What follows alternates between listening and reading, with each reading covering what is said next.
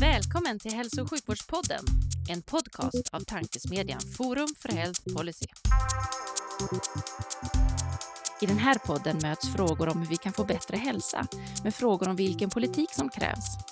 Det kommer bli samtal om personcentrering, ledarskap, digitalisering, organisation, politik och mycket mer.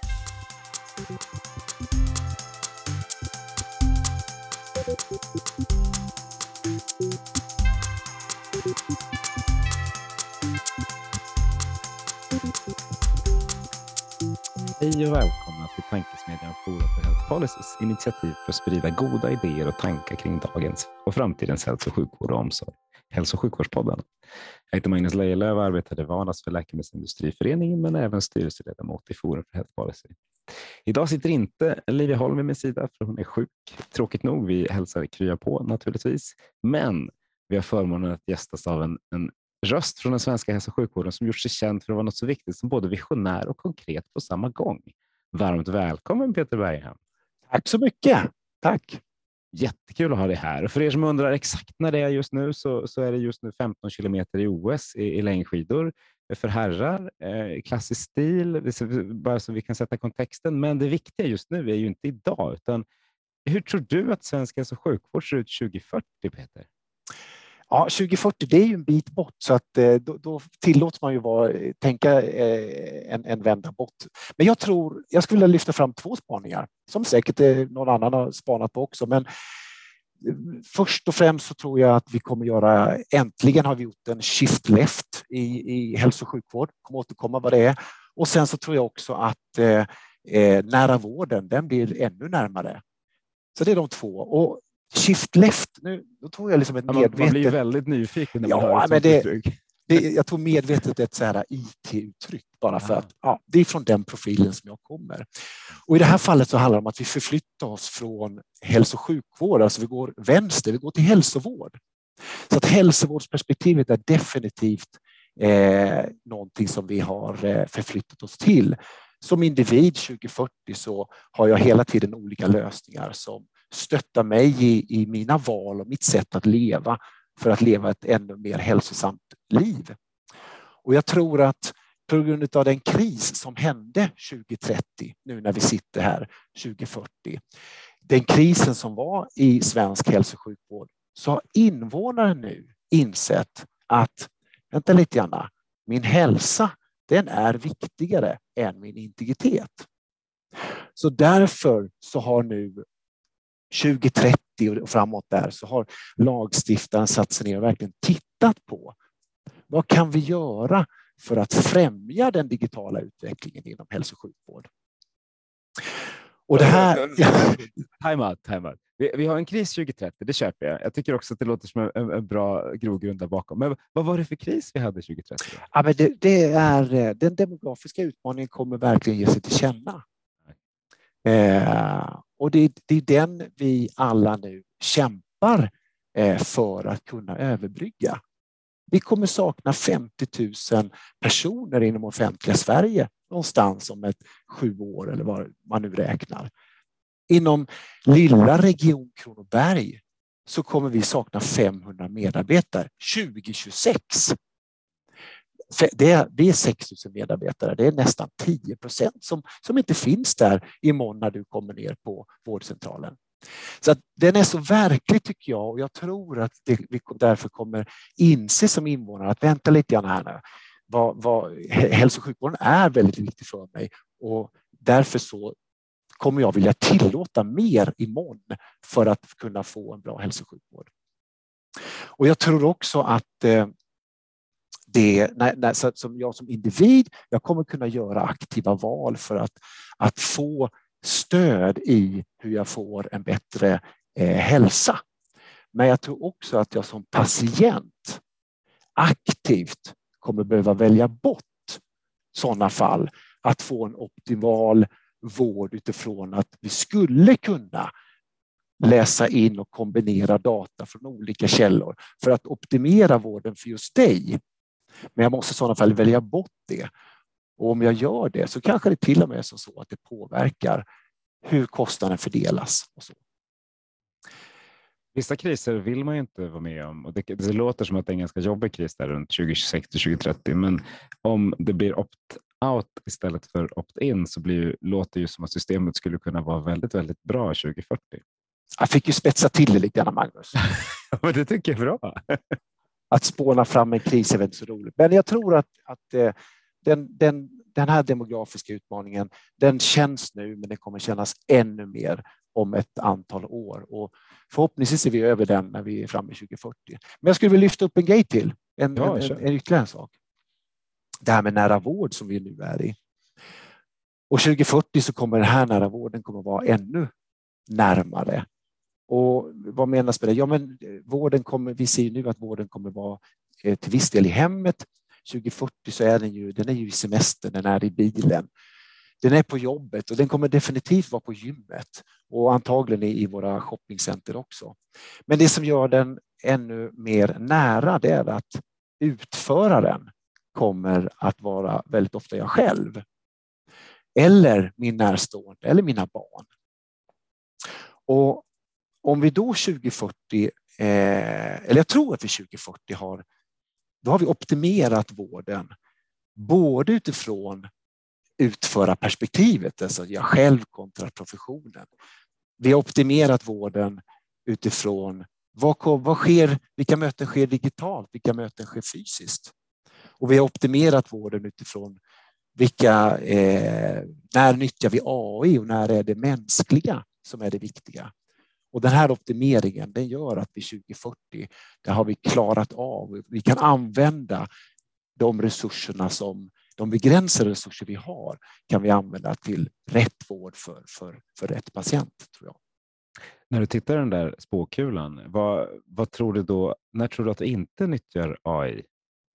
När vi, Förlåt ja, att jag vänder på ja. frågan. För, och då, då, kan det naturligtvis vrida. Så ibland så har vi säkert stöd från AI, ibland så använder vi AI rakt av. Men jag är bara nyfiken på när tänker du, när tänker du att AI, med tanke på hur explosionsartat det faktiskt går just nu vad det gäller kunskap och, och framsteg där. Vad, vad, tror du 2040 att vi, vi kommer att få hjälp av? Vad, vad tror du inte vi kommer att få hjälp av? jag tror fortfarande att eh, våra sjuksköterskor och läkare kommer klämma och känna på oss med händer och, och fingrar. De kommer hålla oss i handen och tala om att det kommer bli bra. Mm.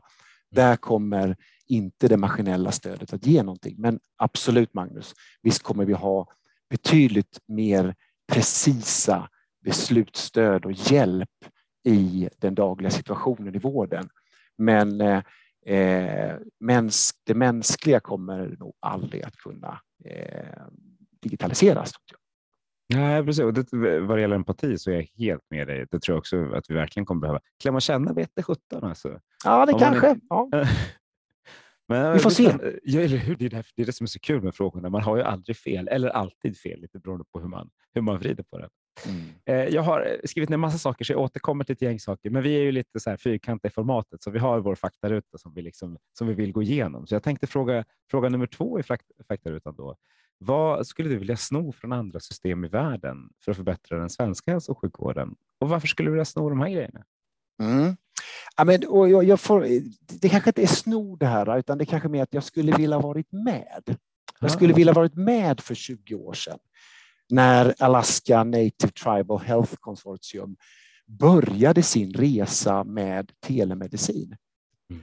Ett Alaska som är ett, ett land som är, eh, eller en, en, stat som är eh, fyra gånger så stor som, som Sverige till ytan. 800 000 invånare och en terräng som antagligen är mer besvärlig än vad vi har här i, i Sverige och absolut en digital infrastruktur som är betydligt sämre.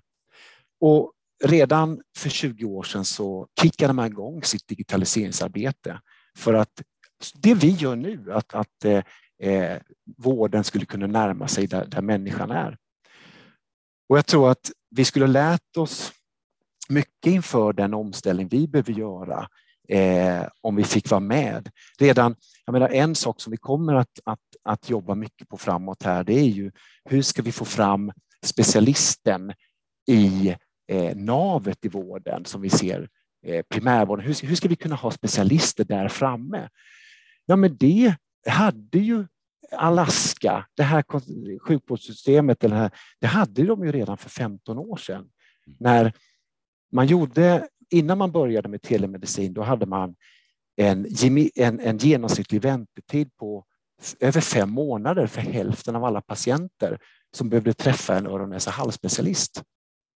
Över, över fem månader, hälften av alla patienter. Sen körde man telemedicin. Man gjorde sin verksamhetsutveckling och efter tre år så var det nere att det var 8 procent av eh, patienterna som behövde vänta fem månader eller, eller, eller, mer. Och sen har det där bara gått ner. Och där skulle man vilja ha varit med i deras verksamhetsutveckling. För det är det vi kommer behöva göra nu. Alla de diskussionerna som har varit antagligen i Alaska om vem ska utföra vilken arbetsuppgift? Jag menar, där ute på den här, eh, eh, nu heter det väl inte vårdcentral i Alaska, men centret för vård långt där ute, där står en undersköterska. Vad kan hon göra eller han göra som idag en sjuksköterska gör? Men vad kan hon eller han göra med hjälp på distans av en läkare? Den diskussionen hade jag velat vara med och sitta där eh, halvt frysande och lyssna på för 20 år sedan. Och när de tog beslutet att folk utan, utan professionell utbildning skulle vara del som ledsagare och så där. Det är, va? Det är ju ja. skithäftigt. Ja. Eh, och jag säger som vanligt när den Alaska kommer upp, för Alaska kommer upp. Vi är rätt imponerade av vad man, vad man gjorde i Nuka System.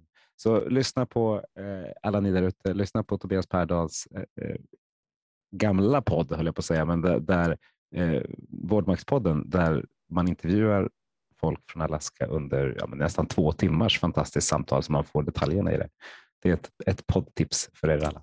Alltså Magnus, du säger jag har inte gjort hemläxan och lyssnat igenom alla gamla poddar. Nej, men det förstår jag. Och det, här är inte vår podd heller, utan det är en podd som exakt. var tidigare. Så det är, ja. men, men, jag säger bara det, för då har, man, eh, då har man två timmar som bara man förstår hur systemet funkar och får detaljerna från liksom, hästens mun. Det är jätteroligt. Mm. Så där har du något att göra sen under, under helgens promenad här i solen. Jättebra. Eh, bra system och det är ju ett system som när vi har, vi har ställt frågan tidigare, vilket tycker du är det bästa hälso och sjukvårdssystemet i världen och varför? Och då kommer Alaska väldigt ofta upp för att eh, det just löser problem vi har i Sverige gissar jag. Eh, som vi, liksom, vi, man, vi, vi tittar ju delvis på det och försöker ta med oss nycklar från det för att kunna göra svenska systemet ännu bättre. Så det är jättebra att du, att du lyfter den delen. Eh, för det är ett väldigt bra intressant perspektiv. Jag skulle också vilja vara med och se vad som hände och vad de gjorde. Det låter jättespännande. Mm. Eh, en, en annan sak, vi är ju inne i ett valår nu, eh, kan man tro, för tiden går ju så hysteriskt snabbt. Eh, men om du fick spökskriva valmanifestet inför 2022 och då, och då skriva det så att det passar dig. Det här liksom kan vara farfetch, men vad skulle kunna, vilka beslut eh, och, och vilka, vilka tankar inför den politiska debatten skulle passa dig i ditt arbete och ditt liv? Och då tänker mm. vi hälso och sjukvårdsområdet specifikt. Så... Ja, det, det får det. Nej, men det får ju bli digitalisering med hälso och sjukvård. Nej, men jag skulle skriva fyra punkter eh, i, i den här spökskriften. Eh, och, och återigen, jag tror vi, Magnus, vi kommer känna igen oss i, i, i detta, och vilket säkert är skönt också. Men det kom, första punkten kommer vara standarder att förhålla sig till. Eh, det, det, vi, vi, vi måste få Eh, standards i hur utbyter vi information oss emellan. Vi måste få bättre styrning på standards kring informatik. Vad kallar vi saker och ting? Eh, vi måste få än mer standards i hur olika processer för, för, för vårdflöden ser ut. Därför att vi, vi uppfinner hjulen på ah, inte bara 21 platser utan 21 gånger 5, 6, 7 i, på varje vårdavdelning idag så optimerar ju vi våra flöden eh, för, för, för vårt behov, det unika lokala behovet. Och ju längre vi håller på att optimera lokalt, lokalt, lokalt, desto svårare blir det när vi nu inser att vi måste optimera flödet nationellt. Och då behöver vi standarder att, att eh, hålla i handen. Så att det har varit liksom, första punkten i spökskrivandet. Du hade ju verkligen inte vunnit ett val på det, men jag hade röstat stenhårt på det. Jag tycker ja. det är en jätteviktig sak. Jag vet, det är väldigt osexigt. Men vi får, liksom, vi får linda in det i någonting vi, som, som, som smakar gott, det tänker jag. Precis, men det är ju en nyckel och det är väl därför vi, det, här, det behöver vi verkligen vi behöver göra det sexigt. Och, eller, och det kommer man aldrig att göra, men förklara varför det är sexigt. Ja. Förlåt, nu ska du få ta din punkt Nej, men, två. och då blir jag, blir jag orolig här. Hur, hur, hur, inte, liksom hur, kanske ordet sexigt kanske inte det, men liksom hur, hur spännande det blir när jag nu säger nationell styrning. Och så, då kommer ju folk gäspa igen här. Men, men faktum är liksom att vi, vi samarbetar ihjäl oss, Magnus. Ja. Eh, jag, jag, jag har ju suttit i otaliga av de här nationella samverkan och de är ju bra och det, det är något gott med decentraliserad styrning och konsensus i goda tider. Mm. Men vi är på väg mot andra tider nu. Och då behöver vi eh, ännu starkare eh, styrning. Vi behöver nationella strategier inom ett antal olika områden att förhålla oss kring. Därför att vi är, vi är självbestämmande. Till syvende och sist så gör vi det vi, det vi tycker är bäst för oss. Så att nationella strategier, tar, det kommer vara ett otaligt antal möten under 2022 och 2023 kring eh, första linjens digitala vård. Som vi skulle kunna göra om till utvecklande möten istället om vi fick en, en tydligare styrning. Så att nationell styrning. Eh, nu är du inne på en fråga som, inte, som, är, som är ganska politiskt laddad, det vill säga hur vi ska styra Sverige vad det gäller hälso och sjukvården. Så, så nu tror jag inte alls att du är osexig om du tänker på valdiskussionen. Ska vi ha, ha en region, eller 21 regioner, fem regioner eller en nationell styrning? Tänker du då att vi gör allt nationellt i, i, i ditt valmanifest eller tänker du att vi samordnar vissa saker? Eller hur, hur, hur tänker du där? Nej, och det, jag gick aldrig in på det. Jag, jag, jag Nej, det hörde jag. Liksom, det var därför jag frågade. Ja, men jag tycker nationell styrning i, i, dessa, i vissa frågor, hur den ska ske, Magnus, ja. jag, jag, eh, jag överlåter det med varm hand till eh, någon annan. Ja, men det är bra. Eh, ja. jag bara tänkte att ifall du hade svaret så hade det varit jättebra, för det, det, det är många som funderar där ute. Ja, det, jag tror att det är många som har svaret. ja, men det är bra. Den tredje punkten då, i ditt, i ditt valmanifest? Ja, nu kommer ett valfläsk flygande här. Aha. Större statliga investeringar. Men då, och då menar jag liksom inom digitalisering och hälso och sjukvård, för det, det, det är därifrån jag kommer. Och, men jag tänker utifrån perspektivet att initialt accelerera vissa områden. Inte smeta ut, utan eh, liksom i ett litet eh, halvkort perspektiv så skulle vi kunna gynnas av att få injektioner. Och om man ska göra det, och jag tror Magnus, vi kommer nog prata mer innovation framåt här, men ska man kort ge en injektion eh, så, så bör man göra det i befintliga strukturer. Och, och, och, det kan vi väl kanske återkomma till längre fram. Absolut. Ja. Absolut. Ja, för det är en jättespännande fråga. Infrastrukturen i vården får man ju höra att den är lite förlegad eh, och vi ser ju det på många sätt. Och så hur man gör det är ju en, jätteintressant fråga. Särskilt i kombination med din nationella styrning så tycker jag att det är en, en utmanande punkt. Ja, ja. en cliffhanger. Exakt. Vad är den fjärde då? Det, det fjärde och sista, det är ju att lagstiftaren tar på sig digitaliseringsglasögonen i sitt arbete med lagstiftningen.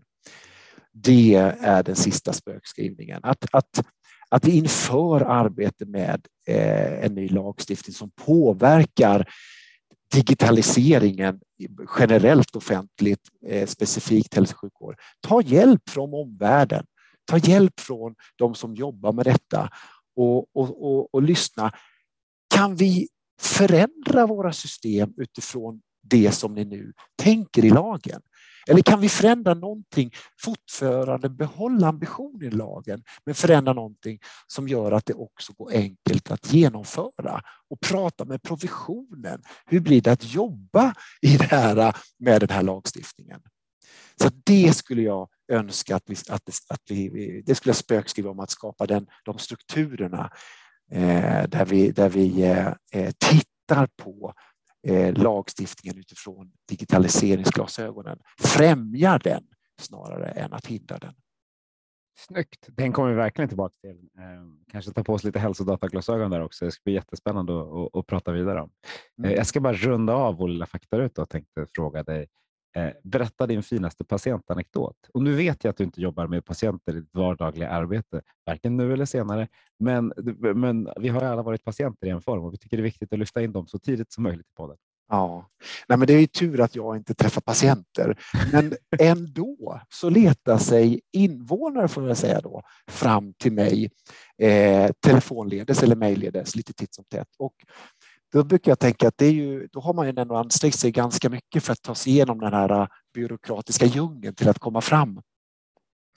Och eh, det hände senast eh, för några månader sedan. En, en äldre dam från en, en ort här utanför Växjö som är känd för sina glasbruk för övrigt. Eh, som, som sa till mig så här att eh, eh, nu har min läkare uppmanat mig att jag måste ta större ansvar eh, för min egen vård. Det var precis så hon uttryckte sig. Eh, och, och, det är ju jättebra, tänker jag. Vi vill ju liksom främja eh, delaktigheten. Eh, och, och, så nu har jag, jag har skaffat eh, BankID, Eh, jag har eh, kopplat min e-post till 1177 eh, och, och, och jag har skaffat en digital brevlåda. Men jag får ändå inte kallelserna digitalt. Det sa han att jag skulle få.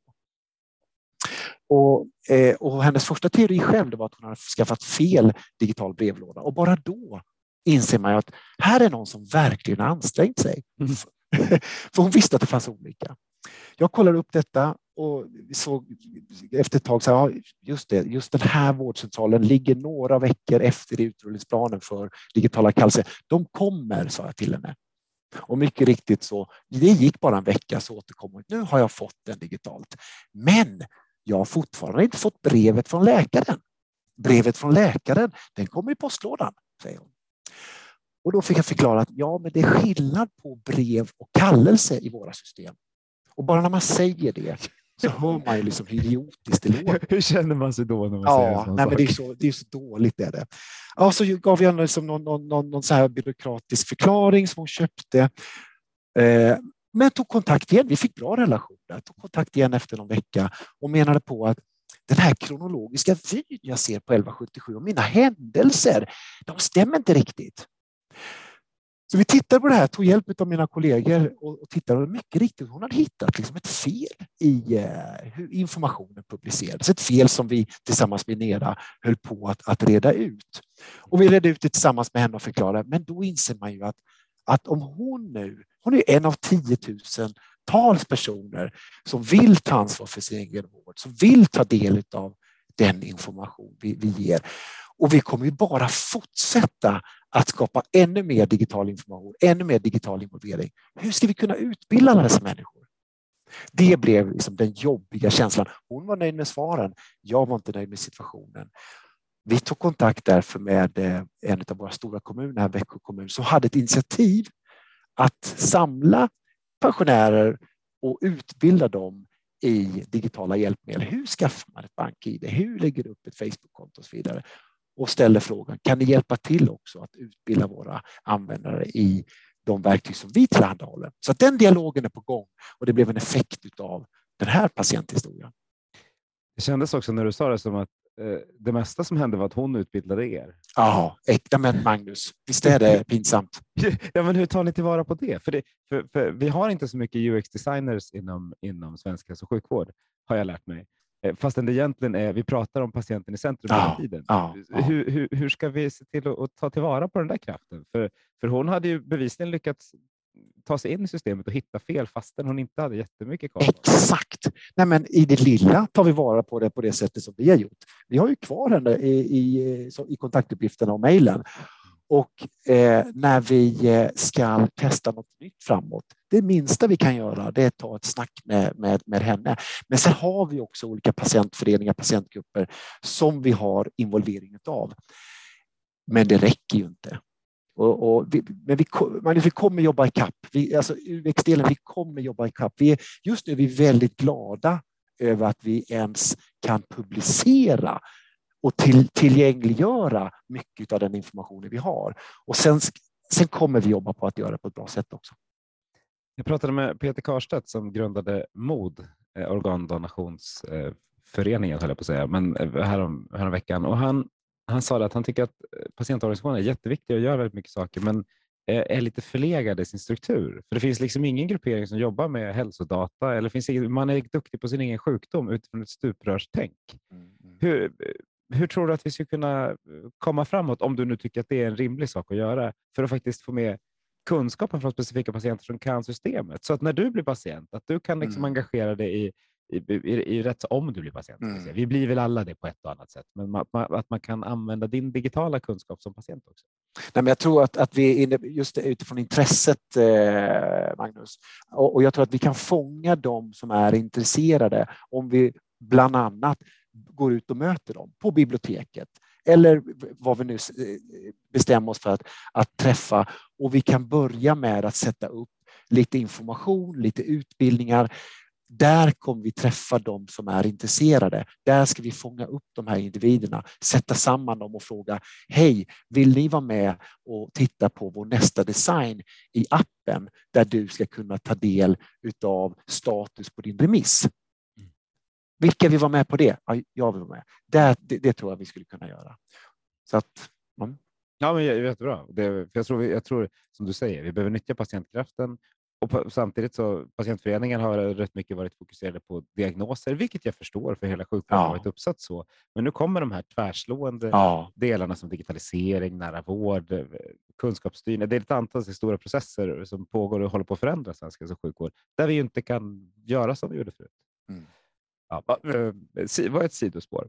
Eh, nu har vi kommit en halvtimme in i podden och jag har inte ens frågat vem du är, så jag tänkte jag ska, jag ska, jag ska låta dig berätta vad, vad är din roll idag? Och då kommer du faktiskt, eftersom du precis har bytt roll, och få berätta vad var din roll fram till Ja. veckan också. ja, ja men jag, jag bytte jobb här nu i måndags, men fram tills dess har jag jobbat tre och ett halvt år som IT och digitaliseringschef på Region Kronoberg.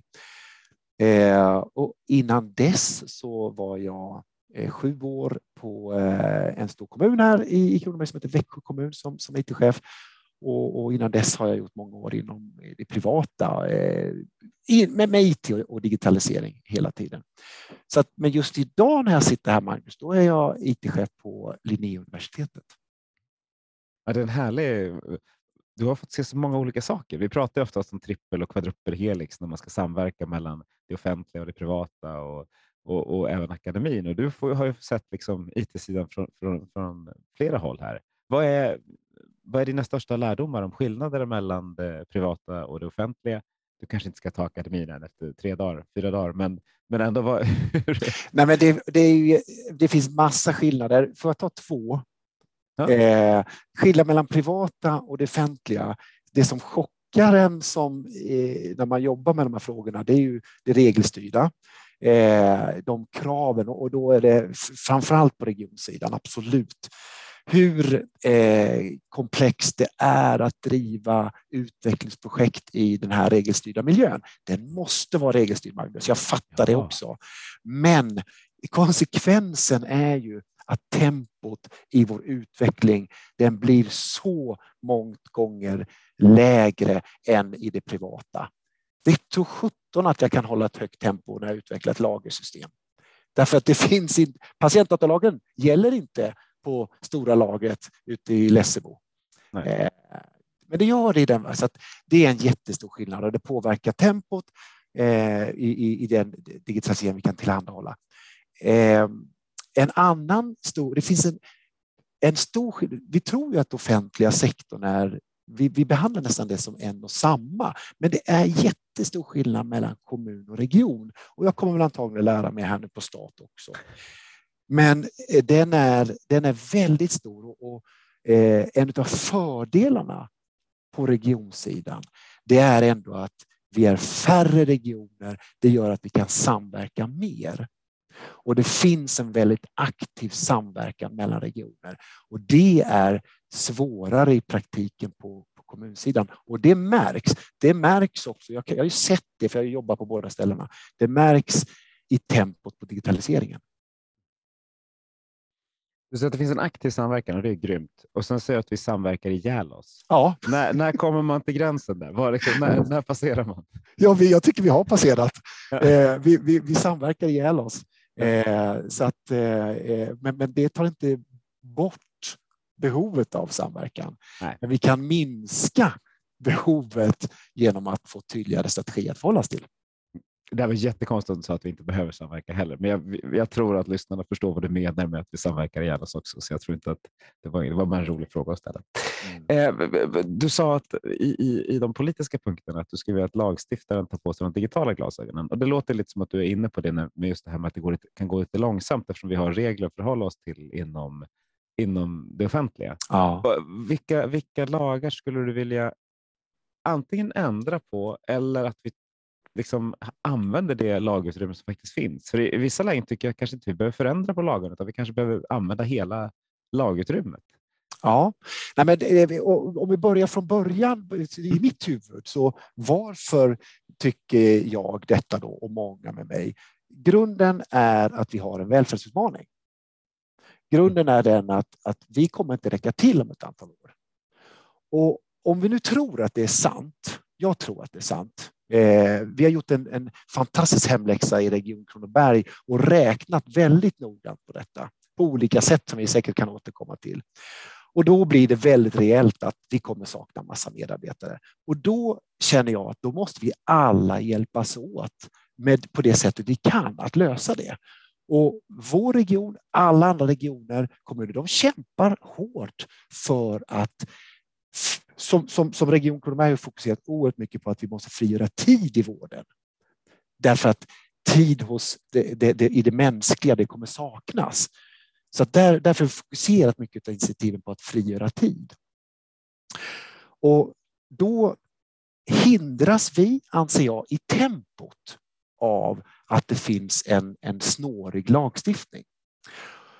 Och sen säger du så här, ja men vänta lite grann, är det bara för att vi inte utnyttjar hela spektrumet av lagen? Och så vidare? Det kanske är så, men summan av uppfattning av, av oss som sitter just nu och jobbar med detta och sitter idag i projekten, Summan av den uppfattningen är att det är snårigt så att vi har blandat in oerhört mycket kraft från juridik, från informationssäkerhet, vilket vi måste för att komma vidare i våra projekt. Så att Eh, och jag vet inte om det svarade på din fråga, men det de facto är att så ser det ut idag. Oh, det håller jag med om och jag, jag, säger inte att jag har någon lösning. Det är verkligen inte så. Jag, jag säger, vissa man pratar med säger att ja, men vi kan nog göra lite mer, men vi, vi är precis som du säger, vi, vi, vill, vi är mer rädda för att göra fel än för att ah. Våga testa. Och, ah. och det, det, ska man väl vara. Man ska inte heller liksom ta sig över gränserna, men man måste komma så nära gränsen som möjligt. Så jag, jag mest för, hur, hur, tror du man ska kunna göra det? Då? För vi, vi kommer ju alla fram till att det här är, eller alla, det är många som säger att vi, vi kanske borde testa lite mer. Det hade varit gött om någon hjälpte oss att tolka att det här får ni göra och inte göra. Nu gör vi den tolkningen på hundratals olika ställen och vi lägger tiotusentals timmar som vi istället kunde flyttat till verksamhetsutvecklingen. Så att det är hjälp i, i, i, tolkningen. Och, ja, så det är väl ett svar. Det är ett bra svar. Eh, vad är din definition av hälsodata? För där, äh, det, det, det är som det, det, nya svarta på många sätt, men alla definierar lite olika. Så jag tänkte jag kan fråga dig först. Alltså, nej, jag, har, jag har ingen bra eller egen definition, men eh, det jag spontant tänker att eh, eh, det bör ju involvera både den datan som jag som individ själv samlar in det tillsammans med den data som, som eh, den, eh, professionen samlar in. Så att, ah, jag, Magnus, jag har nog inget. Det finns andra som har ett bättre svar. Tänker jag. Ja, men jag tyckte det var ett bra svar, för det var, då tog du med båda de två som jag skulle vilja tar med. Så jag är, jag är helt nöjd och glad med det svaret. Hur skulle du vilja att din hälsodata då används inför ett vårdbesök och efter ett vårdbesök ah. om tio år? Ja, det är väl en god fråga. Nej, men jag, jag hoppas att eh, eh, min hälsodata bland annat har använts för att fylla det behovet av data som finns nu för att, att eh, utveckla och, och anpassa de AI-lösningarna som, som, som ligger eh, i pipen. Så det skulle jag vilja att min hälsodata kunde stötta och hjälpa till med. Jag skulle också vilja att min hälsodata användes i, i mitt vårdögonblick eh, när, när jag kommer in i vården. Och som tur väl är så har jag inget stöd idag av den kommunala hälso och sjukvården.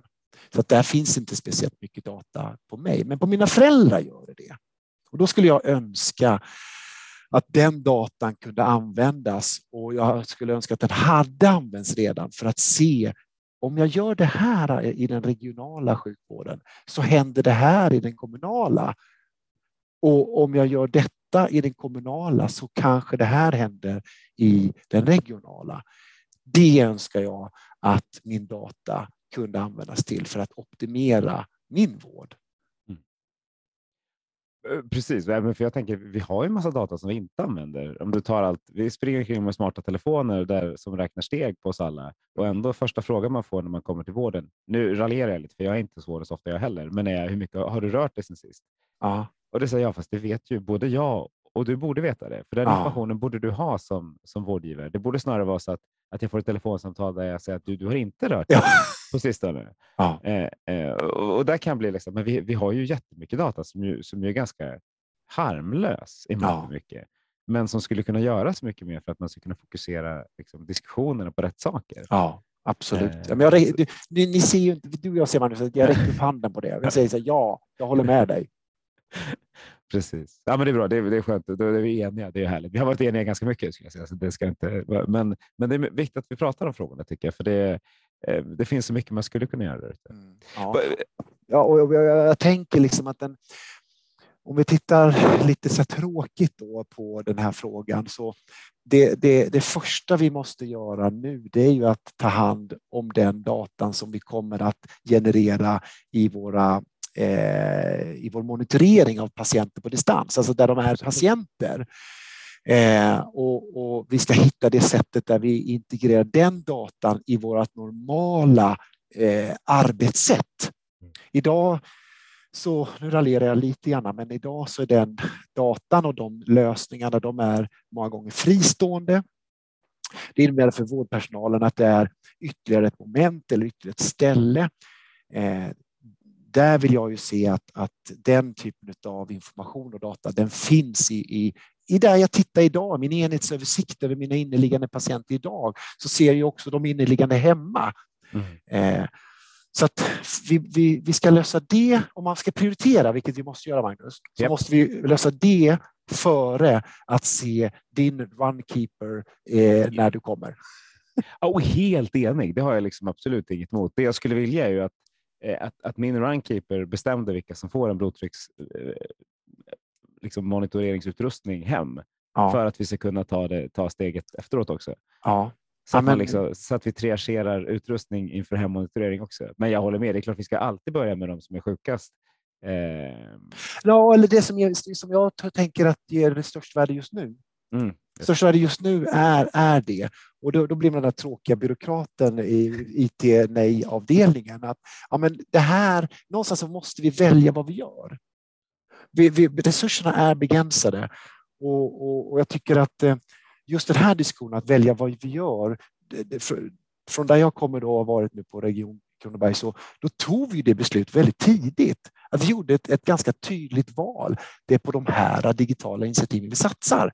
Och det fick ju proppen att gå, eh, att, att, att gå ur. Så att det finns oerhört mycket vi kan göra och eh, nyckeln är att vi, vi, blir, att vi, gör, vi gör tydliga val eh, och det innebär att vi väljer bort. Men vi väljer inte bort för all evighet utan vi väljer bort över tid. Så när ni satsade på, på ett fåtal lösningar, du, du, har ju gjort en, en helt fantastisk sak på LinkedIn genom att lägga ut eh, liksom ett, ett, en serie av, av blogginlägg, eller vad man ska kalla det, om vad ni har gjort i Kronoberg och varför ni har gjort det. Eh, och vad som behövs för att förändra det digitala. Jag rekommenderar alla lyssnare att läsa det, för det är, det är klockrent. Jag håller säkert inte med om allt, men jag tycker att jag har blivit inspirerad av allt du har skrivit. Så all heder till det. Men, men vad, vad tog ni för beslut då när ni, eh, i Kronoberg? Och vad, var det, vad var det som gick bra? Men jag tycker att eh, eh, en av de första frågorna vi ställer oss, vad är det vi ska prioritera? Möjligheterna är oändliga, resurserna är begränsade. Så är det. Och då med tanke på den största utmaningen, demografi, så sa vi att vi prioriterar de digitala initiativ som frigör tid i vården. Helst och gärna inom primärvården. Så vi gick liksom steget till och väldigt gärna för en specifik yrkeskategori.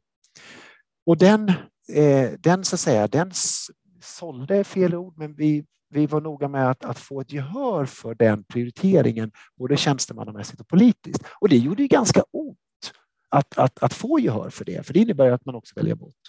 Men väl, Så, sålde är väl ett ganska bra ord, för det är väl det man håller på med oftast. Fast, eh, ja, det, det, det, det är det. Men det, det var intressanta diskussioner kan jag säga.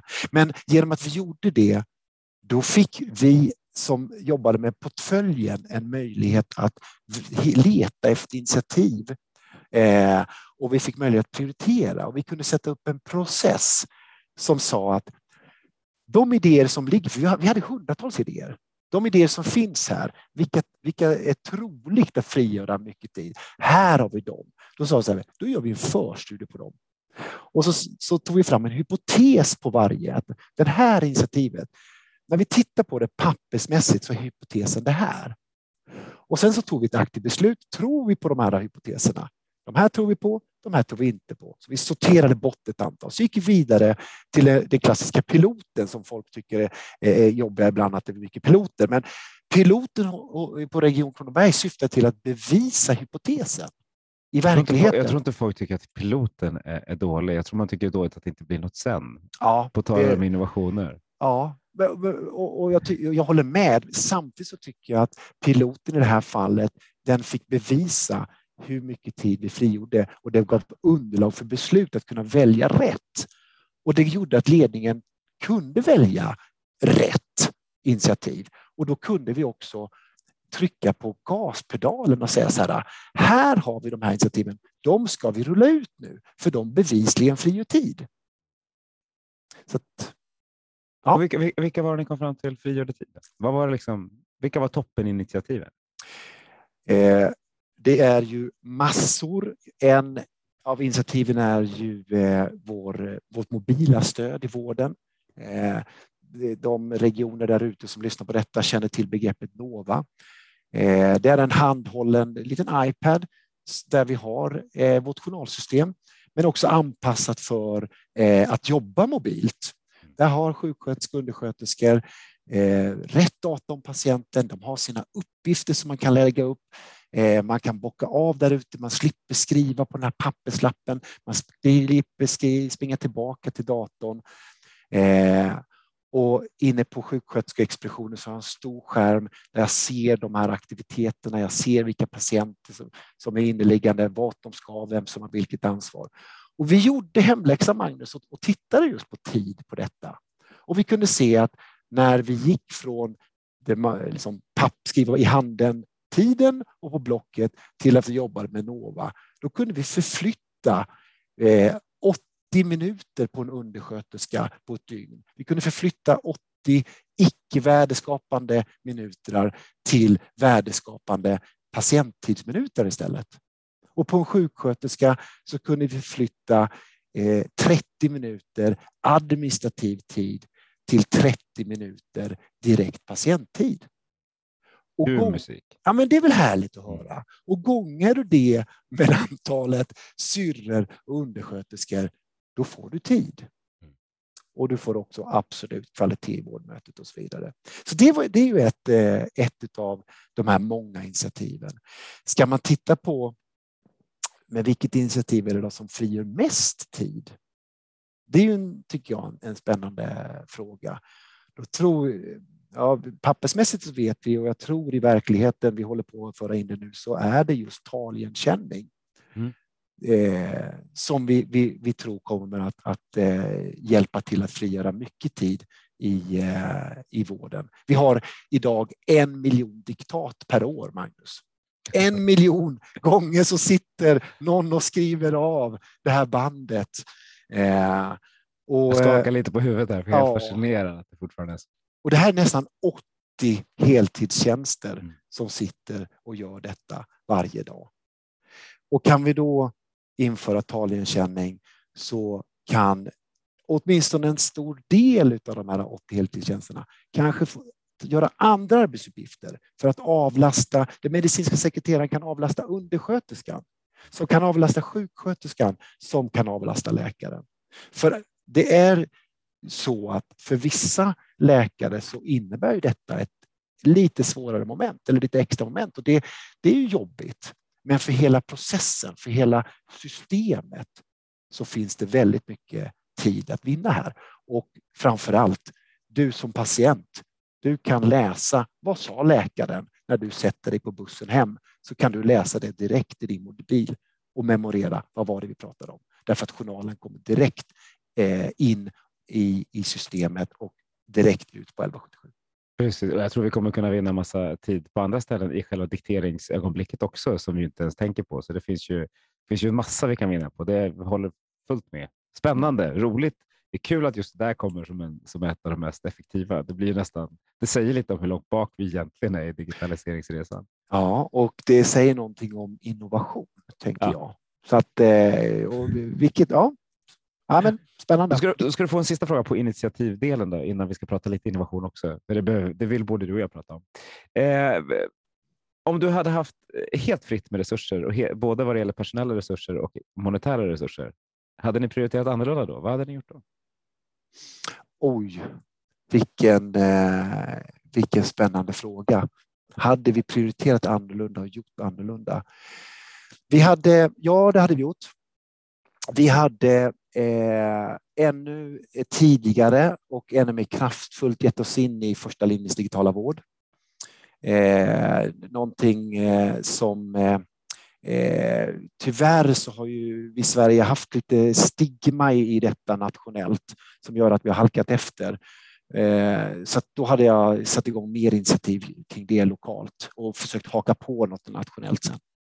Mm. Luddigt svar kanske. Nej, nej, men absolut inte. Det är bara, det, det är bara ett intressant tankeexperiment. vi, eh, vi kastar oss över till, jag tycker det var ett bra svar också, det hade varit intressant att se vad som hade kunnat hända om vi hade ännu mer resurser eh, än alla de vi redan har. Vi har ganska mycket resurser redan nu, men, men vi är, är ju ändå begränsade. Mm. Eh, vi, vi pratade lite innovation innan vi satte, på, satte igång inspelningen här och hur viktigt det är med innovation, men också hur viktigt det är att skala upp innovation. Mm. Vad, är, vad är dina tankar kring innovation i Sverige idag eh, och, och vad, vad, kan vi göra ännu bättre? Mm.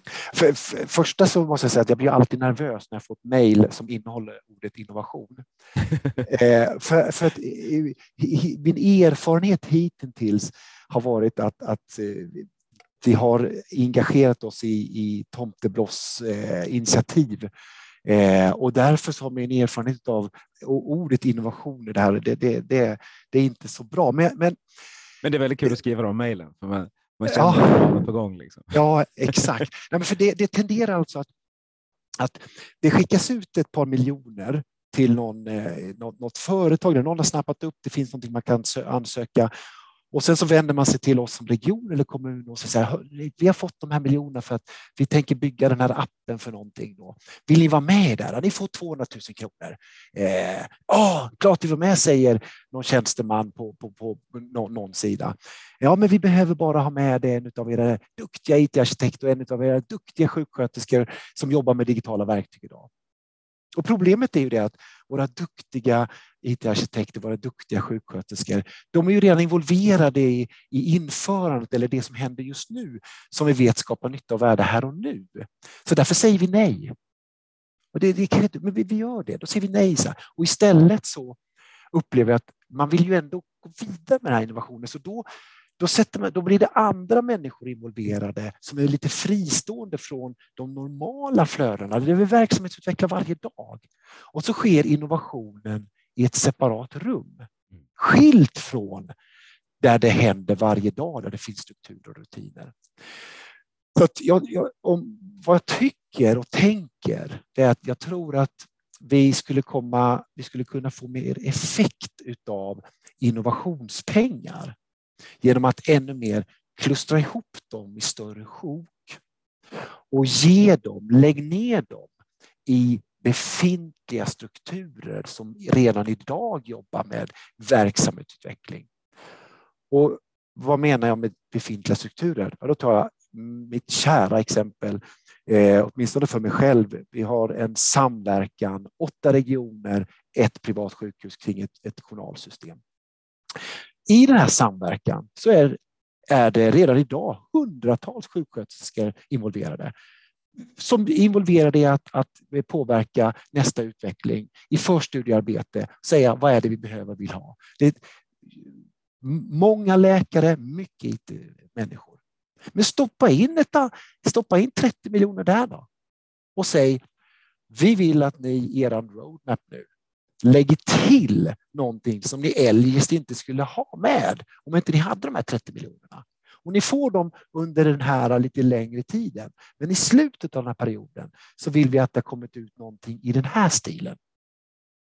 Det hade gett effekt. Och det finns flera sådana befintliga strukturer där vi skulle kunna sjoka in större potter av pengar som idag sprids ut i de här tomtebloss och som sker i separata rum.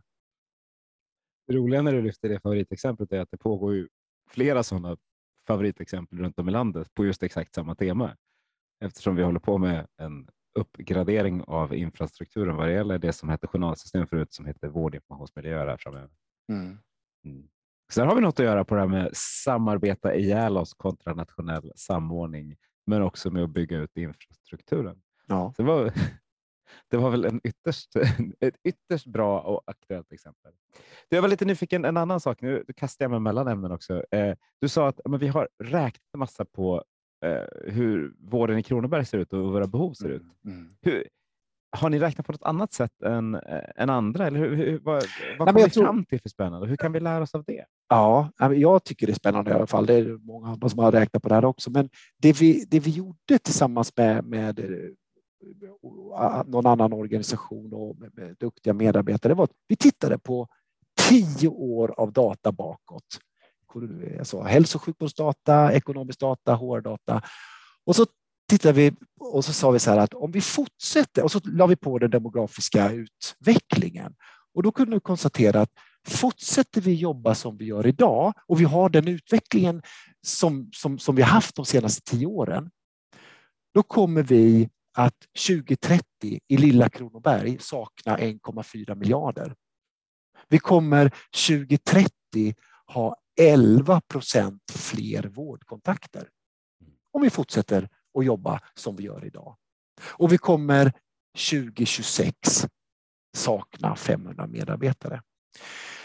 Så det tycker jag är att göra lokalt sin hemläxa och få det in your face att här borta så går det åt helvete om vi fortsätter att jobba som vi gör. Det är ju slående siffror eh, som man ju kan skala upp på i Sverige och hela västvärlden och inse att det här kan bli jobbigt. Och det spännande Magnus, det är att på pappret eh, så gjordes ju också en analys och tittade på vad finns det för möjlighet att, att hindra detta, att, att, att eh, minska de här effekterna. Och det arbetet, det, det resultatet av det menar, nej men vi skulle till och med kunna minska antalet vårdkontakter med ett antal procent 2030 om vi gjorde de här förändringarna. Och det mynnar ut i att Region Kronoberg satte upp ett omställningsprogram eh, och trycker in mycket kraft och kompetens och resurser i det här omställningsprogrammet för att genomföra de här åtgärderna som vi ser att det här kommer kunna göra att vi får en ekonomi i balans och att vi ska kunna klara av att ta emot de patienterna som kommer. Kommer du att hålla då tror du? Ja, det tror för jag. Det, för det, var ju lite av, det är en pappersprodukt, produkt, även om den liksom är förankrad i verkligheten. Ja, men det, jag tror det kommer hålla. Ta bara, eh, jag sa att 500 medarbetare kommer saknas. Mm. Eh, I den här analysen, vi har flera superduktiga medarbetare som då har tittat exempelvis på hur många sjukvårdsutbildade människor i lilla Kronoberg jobbar heltid idag med bara administration. 250 mm. stycken. 250 stycken. Och kan vi då, vad kan vi hitta för lösningar för att frigöra tid för de här 250 personerna som gör att de kan gå tillbaka till vården? Mm. Och där är vi. Där är vi. Jag menar, där är Italienkännning en sån. Webbtidboken en, en annan sån. Resultat av första linjen digitala vård en sån. Så att det finns möjligheter. Mm, ja, vi kommer lösa det. Vi kommer lösa Kul! Det. Bra! Då ska vi titta extra noga. Det gör vi redan nu på, på Kronoberg framöver. För det, det låter, det, 2026 är ganska snart. Ja. När man tänker på det. Tiden går ju väldigt snabbt. Jag tänker Magnus, du kanske kan flytta ner hit så kanske vi kan få lite av din skatt också. Så kan det gå ännu fortare. Absolut, det är bra. Det behövs alltid. Eh, vad, vad, ska du förändra på universitetet då? Nu när du kastar, kastar över till en annan hatt. Och, Du och menar jag, efter- jag gissar på att du inte kommer att vilja sitta still i båten. Nej, så efter fyra dagar. Nej, men jag, Ja, ja. tänker, jag tänker dels så eh, Linnéuniversitetet har en, en, eh, en e-health arena, ett, ett, ett fokus och ett, ett samverkan kring just e-hälsofrågor. Och eh, det tycker jag är jättespännande. Jag skulle vilja förstå mer om det eh, och, och ska lyssna om jag kan bidra på något sätt. Eh, Sen tänker jag att, att jag har lärt mig jättemycket från det regionala i samverkan. Eh, nu säger jag att vi har samverkat ihjäl oss, men, men det goda i samverkan och jag ska med spänning se Eh, för, och vad man menar med samverkan, alltså, jämfört med kommunerna så är det så utspritt. Vi, vi kör samma system på, på 270 olika ställen i kommunerna. Det är ohållbart i framtiden. Och, och inom regionen åtminstone är det lite färre system och vi samverkar kring dem. Och det ska bli spännande att se hur funkar det på, i universitetsvärlden. Du har också sagt att samverkan är bra. Det var, det var att du bara spetsade till det och sa att vi samverkar ihjäl oss. Så det, jag, vi tror också att det är bra att samverka. Eh, ja, spännande. Jag, alltså, tiden går ibland så hysteriskt fort när man har roligt och pratar om spännande ämnen. Vi har, vi har pratat i en timme nu Peter. Eh, ja, eller hur? jag, såg, jag såg också klockan. Bara, Oj, ja, det. Eh, när du kom in i det här digitala rummet som vi sitter i, för jag är ju inte skattebetalare i, i Kronoberg än, eh, även om du har ju liksom snart lockat över mig. Hur, eh, var det något du hade tänkt att prata om då som, som du tycker att vi, vi inte har pratat om? Eh, så, så tänker jag att the floor is yours. Nej, nej, jag tänker vi ska inte dra ut till det. Jag hade massa goda exempel på vad vi i Region Kronoberg har gjort för riktigt bra grejer de, sista åren. Eh, Men, men, men ta topp tre av dem då. Nej, men för det, jag det kan ju ta grymma grejer. Ett exempel tycker jag är Ja. eh, inom ambulanssjukvården, den prehospitala vården, där vi eh, har eh, i det- Region Kronoberg när en ambulans tar upp en, en patient idag, så fort det finns ett, ett, ett personnummer så ser den mottagande akuten vem är det som kommer. Eh, man kan därmed börja förbereda sig i den stunden. Skriva ut armband, beställa en röntgen. Eh, I samma sekund så börjar vitalparametervärdena synas nere på, på, på akuten. Och eh, när patienten väl anländer så är det ett, ett klick med fingrarna så är all data över i den journalen som man jobbar med där. Och det tycker jag är, är och det hade jag kunnat breda ut ännu mer, men det tycker jag är en, en, en skithäftig grej som, som vår ambulansverksamhet har drivit fram. Och som jag dessutom tror att man som patient förväntar sig när man Ja. kommer till vården. Precis, då ska jag inte berätta Magnus hur det kan se ut på andra ställen. nu vet ju jag hur det ser ut på andra ställen och jag är, vi tänker inte heller säga något om det. Men det är ju, jag har- var glad att, att det ser ut som det gör hos er nu. För det, information är ju viktigt. Det här är det livsviktigt. Mm. Alltså bokstavligt talat. ja, men äh, det där är det livsviktigt. Mm. Ja. Men det är bra. Vill du ta ett exempel till när du, Jag när, du, tänker- när du ändå sitter och är liksom on fire? om man, om man eh, orkar så... Eh, Ja. ja. men jag tycker det- grunden till vad, varför Kronoberg har, har fått fart, det är ju faktiskt det att vi har lyckats få med oss alla kommuner att jobba i samma journalsystem. Vi har gjort det som vi borde ha i Sverige. Ett och samma journalsystem för oavsett var hälsodatan kommer ifrån, kommunen eller regionen. Och nu jobbar vi med de privata vårdgivarna att erbjuda dem möjlighet också. Så att vi har en- en, bas, en infrastrukturell bas som ger oss den här för, fördelen jämfört med, med, med andra. Så att det tycker jag är spännande. Det är bra. Det är synd att Livia inte är här. Här hade hon gått igång. Jag går också igång, men det, är så. De, de privata vårdgivarna behöver ju också vara en del i systemet, precis Ja. som kommunen och regionen ska prata tillsammans. Det är, det är positivt. Vi ska prata kring patienten, inte kring vilken vårdform det är.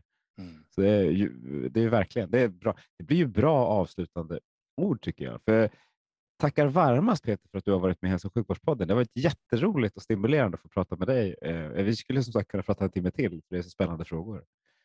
Tack så mycket. Tack för att jag fick vara med Magnus. Och tack alla ni som har lyssnat. Det är eh, imponerande hur, hur många som lyssnar och hur många som kommenterar. Men fortsätt att göra det. Sprid vårt gospel så kan vi förändra svensk hälso och sjukvård till det bättre. Ta hand om er allihopa.